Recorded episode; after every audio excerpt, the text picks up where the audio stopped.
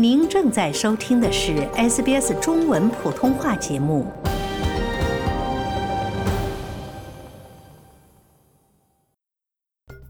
各位听众，大家好，我是 Lauren 陈龙，SBS 新闻快报带您关注生活成本危机。澳大利亚消费者对 c o s 超市中一种常见水果的价格戏剧性上涨表示了愤怒。连锁超市巨头 c o s 和 Woolworths 最近证实，草莓受到供应问题的影响，价格比平常要高。这种急剧上涨主要体现在高档品种上。c o s 出售的350克装小盒草莓售价突破了两位数，达10.9澳元。与此同时，Woolworths 相同规格的高档草莓售价为6.5澳元。消费者对 COS 感到愤怒。一位顾客在社交媒体上发表视频，表达了愤慨。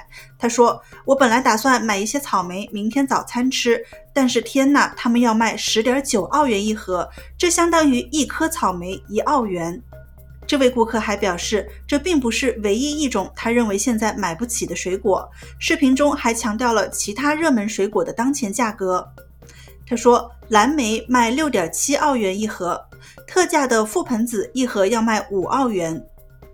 草莓在澳大利亚全年持续种植，作物一般来自维州、南澳洲、塔州、西澳洲南部的农场，夏季来自昆州东南部。在冬季，大部分的草莓来自阳光海岸和 Perth。然而，超市声称当前的草莓季受到生活成本上升和不利天气条件的影响。Coles 表示，由于不可预见的情况，价格较平常要更高，但他们向顾客保证，只要耐心等待，价格将在今年晚些时候下降。一位发言人此前表示：“我们知道顾客喜欢草莓，但现在不是吃草莓的季节，因为我们正处于两个不同产区之间的季节过渡期。每年我们都会经历季节性的变化，这意味着目前价格比平常要高。”优质草莓现在还处于季节早期，产量非常的有限。由于天气限制了这种水果的成熟度，采摘人员需要搜寻更多的植株来找到符合要求的品质，因此目前这种高档草莓的价格比较高。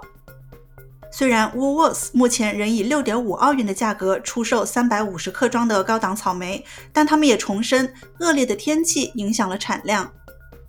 W o l w o r t h 发言人表示，由于我们种植区域的不利天气条件，尤其是一些寒冷潮湿的天气，草莓的供应受到了影响。我们正在与种植者合作，改善供应情况，预计供应将在六月恢复。而 Coles 还向顾客保证，一旦草莓季节全面展开，价格将有所改善。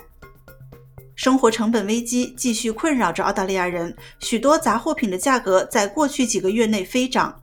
从牛奶、鸡蛋到薯片，现在的价格都比几个月前显著增加了。感谢收听本期的 SBS 新闻快报。作为 SBS 新推出的新闻资讯播客，我们致力于让在澳华人及时了解国内外新闻和社区资讯。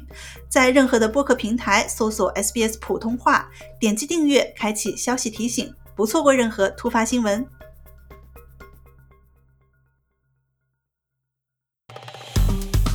喜欢、分享、评论，欢迎您在 Facebook 上关注 SBS 普通话页面。